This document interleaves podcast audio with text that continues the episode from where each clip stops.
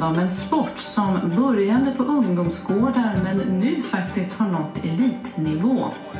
Det är en ung publik som ska se en ung sport skapad och utvecklad av unga människor. Det kan vara så att innebandy räddar mig. Du lyssnar på Från ribbstolar till Globen. En podcast från svensk innebandy. Välkomna till Globen, till VM-finalen som spelas mellan... Berättelserna som format innebandyn till det den är idag. Den svenska folksporten. Idag med titel Historien om alltings början. Gula och röda plastklubbor. När vi såg dem första gången så var vi ju fast. Det var en ren slump att, att det blev en innebandyförening. Jag var inne ett tag på att det skulle handla om teater istället. Så jag ringde över till Amerika och sa Hello Phil, I would like to have 1200 klubbor.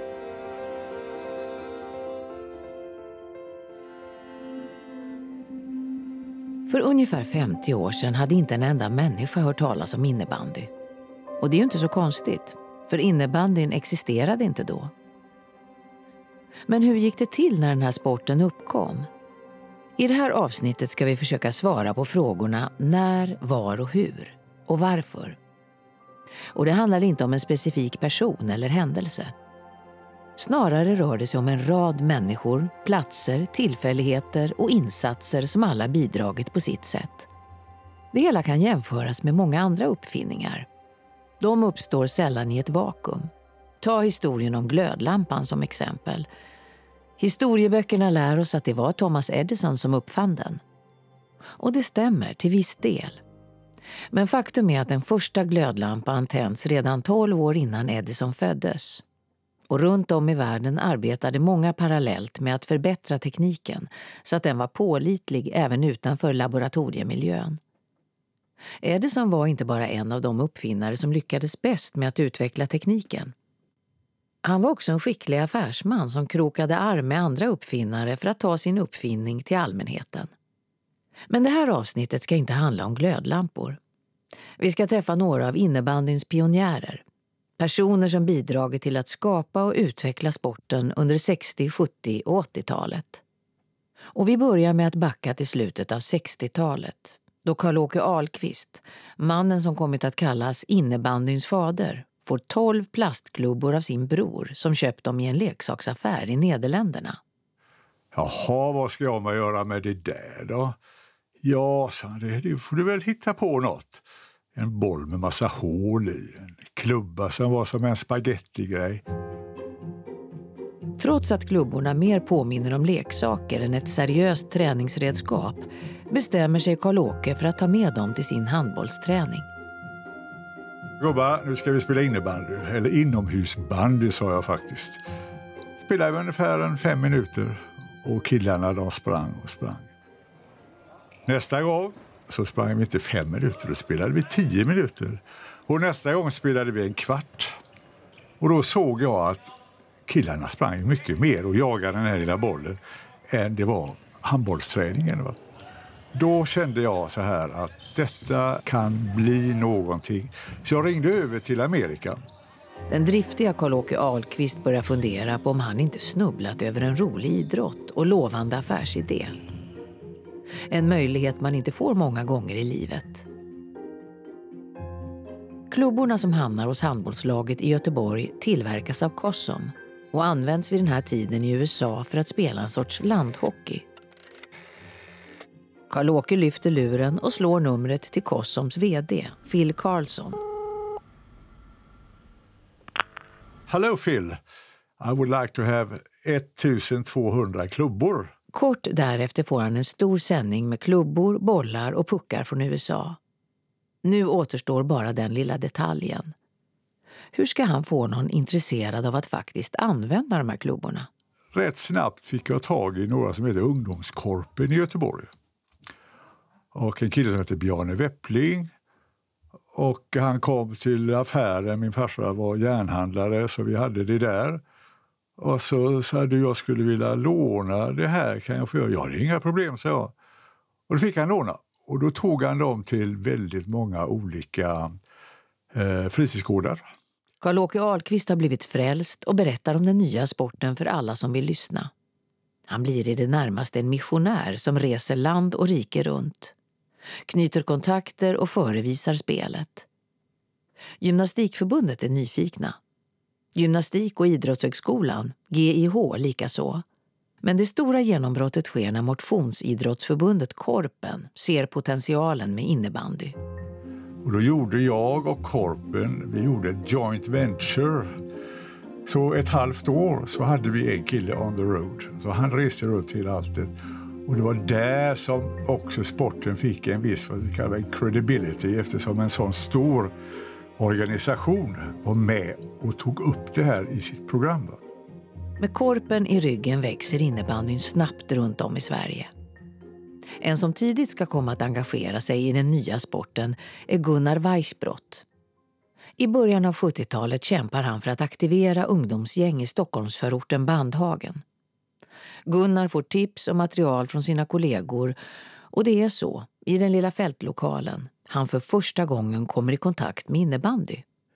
Bland annat så hade de de här av många avskydda, men då älskade eh, plastklubborna i rött och gult som var mjuka. Man tyckte då att det var en bra både lek och idrottsgrej i den typen av mindre hallar som då ungdomsgårdarna hade. Gunnar Weissbrott upplever samma sak som Karl-Åke Ahlqvist.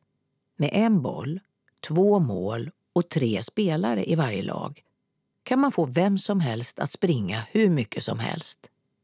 Och ju fler tävlingsmoment, desto roligare verkar ungdomarna tycka att det är. Då vart det ju ett intresse som, som eh, var mycket stort. Alltså. De älskade det här och eh, i Bredängs säng så hade vi ju ett gäng som var bra i det här. Tillsammans med fritidsassistenten Rut Holmberg flyttas verksamheten till Bredäng där Gunnar håller en fotokurs. Han ska egentligen inte hålla på med idrott men när kursen tar slut för terminen så står lokalen tom. Och en tom idrottshall med möjlighet att göra vad man vill är hett villebråd hos ungdomarna. En av dem är en ung Håkan Öbrink som Bredäng är uppbyggt med höghus och så vidare så hade vi mycket kompisar alla undrade var man skulle gå ner. Då sa vi att vi har fått ett tid i en hall så att det vallfärdade folk med. Och till en början så var det ju skeppsbrott, Superstar, allt möjligt. Men sen inne i det här lilla materialrummet där det står plintar och så vidare, då var det som en... Sen man ställer paraplyn i nästan, fast med gula och röda plastklubbor. Och de där plastklubborna, när vi såg dem första gången sen så var vi ju fast. Intresset för innebandy växer i Bredäng och det dröjer inte länge innan Håkan Öbrink och hans kompisar, ledda av Gunnar Weissbrott och Rut Holmberg, startar föreningen Ängen 1976. Det var ju väldigt många som startade egna föreningar. Jag menar, börjar du spela fotboll och hockey då, då går du till en befintlig, men det fanns ju inga. Eh, så många startade upp föreningar och det var ju relativt enkelt. Du behöver bara ett par ja, gymnastikskor, en klubba och en boll. Och så lite jäklar anamma då, då. För att hitta motståndare i Frisksportförbundets seriespel tvingas laget resa runt i Stockholmsområdet. Med all utrustning i stora väskor åker laget buss och tunnelbana. Att spela innebandy vid den här tiden är allt annat än glamoröst det var ju jag och gänget, man var ju solo va? hela tiden. Vi, vi hade ju inga åskådare, det var inga som skjutsade oss till matcher som inte var hemmamatcher. Det var inte tal om vi åkte kommunalt även om vi skulle ut till Ekerö. Va?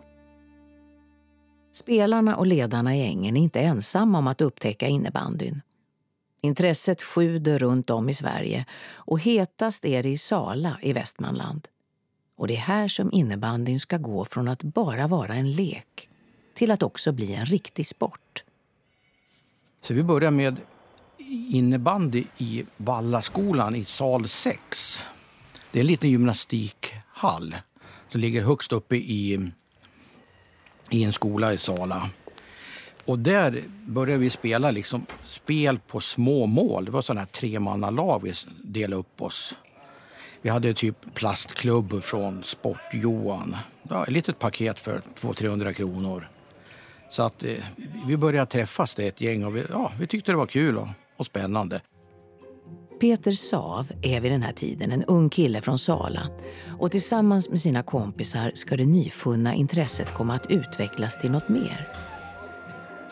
De börjar arrangera turneringar och utmanar också föreställningen om hur man spelar innebandy. Det kanske skulle vara kul att börja spela på stor plan. Och eh, tänkte att det skulle vara fem utespelare med målvakt utan klubba. Och sen att, eh, ja, att det kanske skulle bli en, en sarg runt omkring också. Det var lite så tankarna. Och det var sånt vi, när vi träffades hemma hos Christer i hans lilla lägenhet. Christer Gustafsson, även han från Sala och hans lägenhet ska komma att spela en central roll i att forma innebandyn till vad den är idag. Fram till nu har det vanligaste sättet varit att spela med tre utespelare, små mål och på liten plan. Det vill Peter Sav, Christer Gustafsson och kompisgänget i Sala ändra på.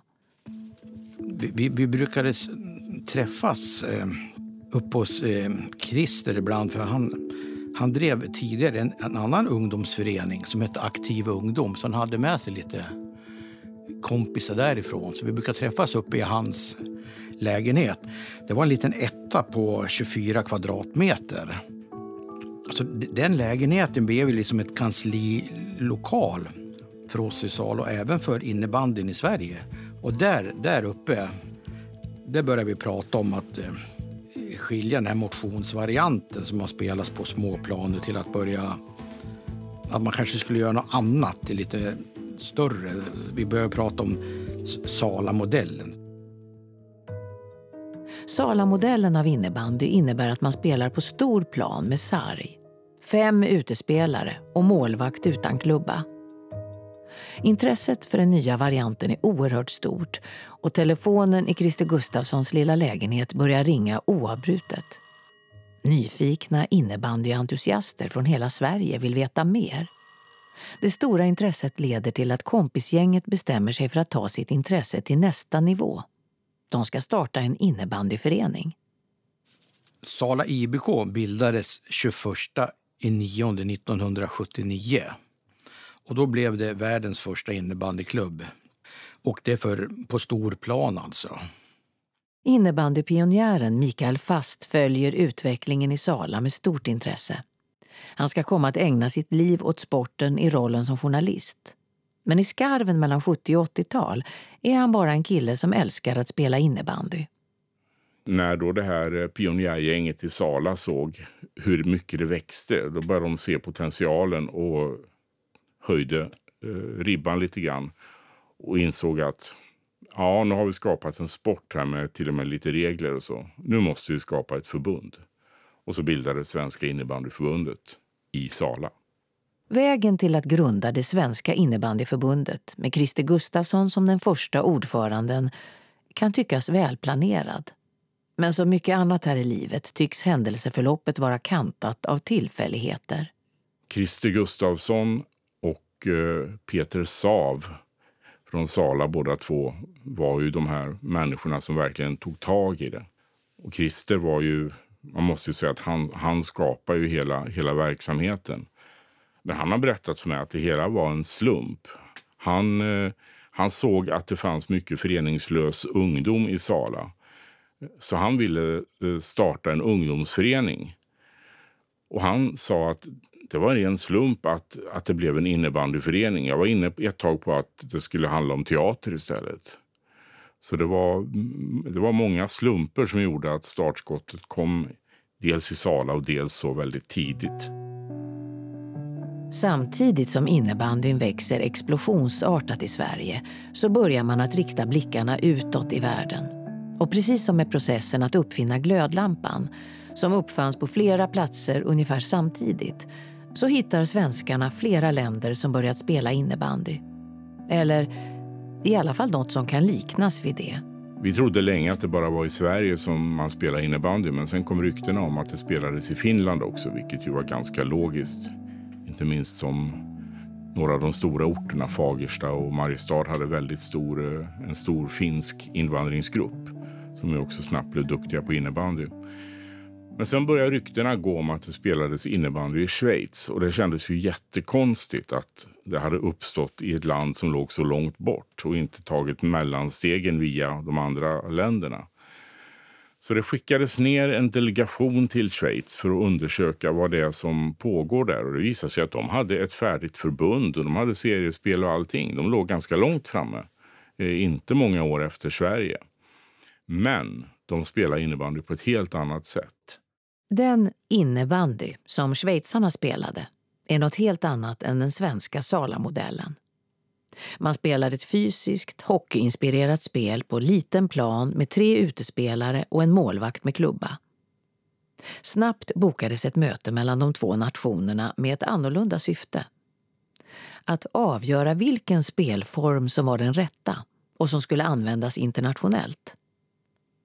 Mikael Fast var med nere i Schweiz. Så det skulle börja med en stor eh, match på stor plan och därefter så skulle man då spela en turnering i Schweiz med deras eh, regler. Och den här första matchen på stor plan, den var ju helt sagolik. Det var schweiziska domare och eh, man hade haft en regelgenomgång innan och eh, de var helt klara på att ja, vi kör enligt svenska regler. Och sen startar matchen och ingen fattar någonting. Eh, det kommer en höjdboll och plötsligt kommer en schweizisk spelare flygande genom luften rakt upp eh, och plockar ner bollen med handen och, och lägger den på sin klubba och fortsätter att dribbla. Och enligt svenska regler så är ju hand lika med, med två minuter. Och jag tror att eh, fem svenska mål dömdes bort och domarna gjorde varje gång ett eh, domartecken som ingen hade sett förut. Det såg ut som att de gjorde ett litet hus med händerna framför näsan. Ungefär som när man leker i ett hus i skogen slut. Och svenskarna fattade ingenting. Men det var någon typ av offside i målgården som vi aldrig hade hört talas om i Sverige. Det svenska laget anpassar sig till de nya reglerna och vinner matchen med 8-5. Men det schweiziska laget verkar inte bry sig nämnvärt. Man är övertygad om att det är deras sätt att spela innebandy som till slut kommer bli den nya internationella standarden. Dagen efter spelas en femlagsturnering på liten plan. Jag glömmer aldrig hur första matchen började. Men det var ju en kort plan. Och det första som händer är att en svensk petar bollen efter tekning till eh, en kollega som bara skjuter i mål. Han bara drar ett eh, superskott i krysset och schweizarna står som fågelholkar. Eh, för enligt deras regler fick man inte vinkla klubborna, så de kunde inte skjuta hårt. Och plötsligt så bara det, man hör hur det fräser i luften när den här bollen åker in i krysset. Och sen rullar det på. Sverige vinner samtliga matcher i den här turneringen med dunder och brak. Och eh, efter det så la sig ju Schweiz ganska platt i regelfrågan. De insåg att ah, vi ska nog inte vara så kaxiga här. Sala-modellen börjar tillämpas internationellt och sporten sprider sig nu snabbt till andra länder. Grunden för den snabba tillväxten, menar Karl-Åke Ahlqvist, är att alla kan vara med. Att det är lätt att plocka upp en klubba och börja spela. Det var enkelt att spela, det var kul att spela. Det var inte heller så där jättemycket träning på den tiden. Förstår rätt. Det var inget kadaverdisciplin, utan låt oss ha kul. Likt Edisons glödlampa har innebandyn mottagits med en oerhörd entusiasm och engagemang vart den än kommit. Från Karl-Åke Ahlqvists handbollsträning i Göteborg och vidare ut i världen. Den snabba tillväxten gjordes möjlig av hårt arbete från drivna pionjärer, företrädesvis unga män, som var och en skulle kunna få sitt eget avsnitt i den här serien. Och även om ingen har skapat innebandyn ensam så finns det några stjärnor som lyst starkare än andra. En av dem är Karl-Åke Ahlqvist, innebandyns fader som får några enkla plastklubbor av sin bror och sen viger sitt liv till innebandyn. Folk fattar ju inte att vi kom in så sent. För alla andra lagidrotter har ju varit hundra år på nacken om förstår rätt. Va? Och eh, det är ju det som är lite svårare. Men när man säger jaha, är det så? Är det inte äldre än så? Ja, så. så vi känner man att man har gjort ett, ett eh, ja, jag skulle jag säga ett rätt så hyfsat jobb. Men också Gunnar Weissbrott och Håkan Öbrink från Bredäng som tidigt startar Ängen och börjar spela innebandy i Korpen. Det var ju helt nytt. Och eh, såklart att Ängen var pionjärer. Och jag var en del av det. En annan är Peter Sav från Sala. Platsen där innebandyn, som vi känner den idag, skapas och där innebandyförbundet kom att bildas. Man har ju svårt att greppa att ja, det lilla blev så mycket. Men det är ju många som har hjälpt till längs vägen. Jag, jag tror det är svårt att förstå vidden att det har blivit så stort. Att det vi börjar med finns över hela Sverige. Och samtidigt finns ju även internationell innebandy också. Och slutligen Mikael Fast som började spela innebandy tidigt och som gjort det till sitt liv att i rollen som journalist rapportera om innebandyn. Vi var ju ett gäng i tidernas begynnelse där som, som uh, tog tag i det hela och, och, och, vi träffas emellanåt då och då. Och det, det som genomlyser alltså, det är den här enorma stoltheten över att vi var med och skapade det här. För det är få förunnat att vara med om ett, ett idrottshistoriskt skeende på det här sättet. Det finns en, en makalös stolthet för, för det vi gjorde. Men jag kan fortfarande om jag går på en VM-match och ser en match i, i B-divisionen mellan, mellan eh, Singapore och Slovenien. Jag kan bli tårögd och, och tänka att wow, vad häftigt det här är. Vad är det vi har gjort? Och det lever fortfarande. Jag minns de som sa att eh, om fem år är innebandyn död. Det här är liksom bara en fluga, ungefär som frisbee pratar man om. Och det är så skönt att skicka en passning till alla de här konservativa gnällspikarna och som var livrädda för att innebandyn skulle ta koll på all annan idrott. Och tala om att hallå, vi lever, vi är större än någonsin. Vi kommer aldrig att dö.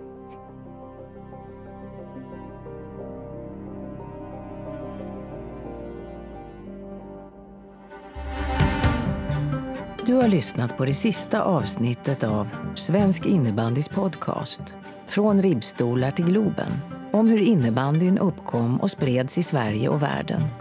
Medverkade gjorde, som du kanske märkte, bara män. Fanns det inga kvinnor som spelade innebandy i början? Jo, såklart. Men faktum är att innebandyns historia, i likhet med många andra lagbollsporter, till stora delar är formad av unga och drivna män och inget fel med det, men det speglar inte hur innebandyn ser ut idag.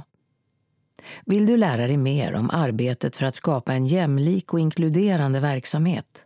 Klicka på länken i avsnittsbeskrivningen. Med det sagt, medverkade i avsnittet gjorde Karl-Åke Ahlqvist, Gunnar Weichbrott, Håkan Öbrink, Peter Sav och Mikael Fast. Tio avsnitt Tio historier som berör från innebandyns ursprung till berättelser som pågår än idag. Det här var en produktion av Post och ljudbang.